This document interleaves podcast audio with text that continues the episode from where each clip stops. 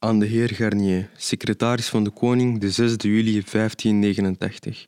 Geachte heer, hoewel ik er niet aan twijfel dat het gerucht met het trieste nieuws van het overlijden van mijn schoonvader, Christoffel Plantijn, God geef hem genade, u al bereikt heeft, heb ik geen zins willen of mogen nalaten u te schrijven, denkend aan de grote genegenheid die u hem altijd hebt willen toedragen, over zijn ziekte en de dag van zijn overlijden.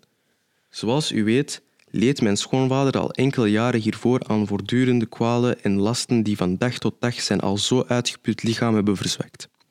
Nu is hij ziek te bed gebleven sinds de dag van de heilige drievuldigheid toen hij van de kerk terugkwam en is bedlegerig gebleven tot de 1 juli. De artsen hebben ons te kennen gegeven dat de kwaal veroorzaakt werd door een opeenstapeling van slijmen aan de rechterzijde in het lichaam. Die hebben er een gezwel doen ontstaan wat hem erge pijnen gaf. Na acht dagen zijn die verminderd en trad er een warme koorts op die het al zo verzwakte lichaam zo heeft belast, dat het op geen enkele manier nog langer mogelijk was weerstand te bieden aan die pijnen.